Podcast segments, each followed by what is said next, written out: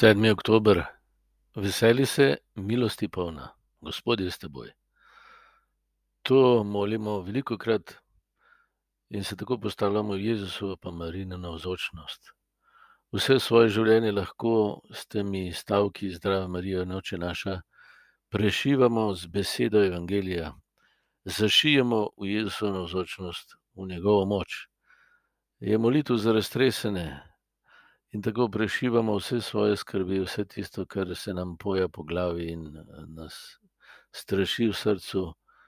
Zdravo Marijo, s ponavljanjem njegove besede, prešijemo na Gospoda in zajamemo iz tega, da smo tudi mi, tako kot Marija, namenjeni temu, da smo polni milosti, polni njegovega miru, njegove navzočnosti.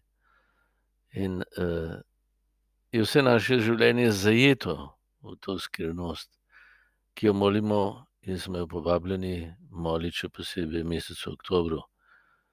Uh, vse je v Jezusu že uresničeno, zgodovina odrešenja je že uresničena. Ko mi molimo rožni venec, v njegovo zgodbo odrešenja privezujemo tudi svojo.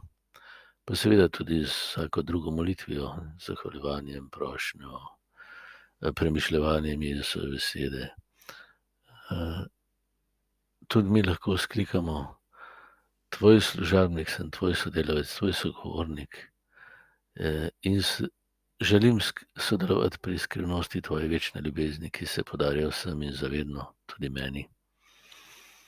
Rožni venec povzame vse in nazajame božjo zgodbo. Če dovolimo, to je pod nas odvisno.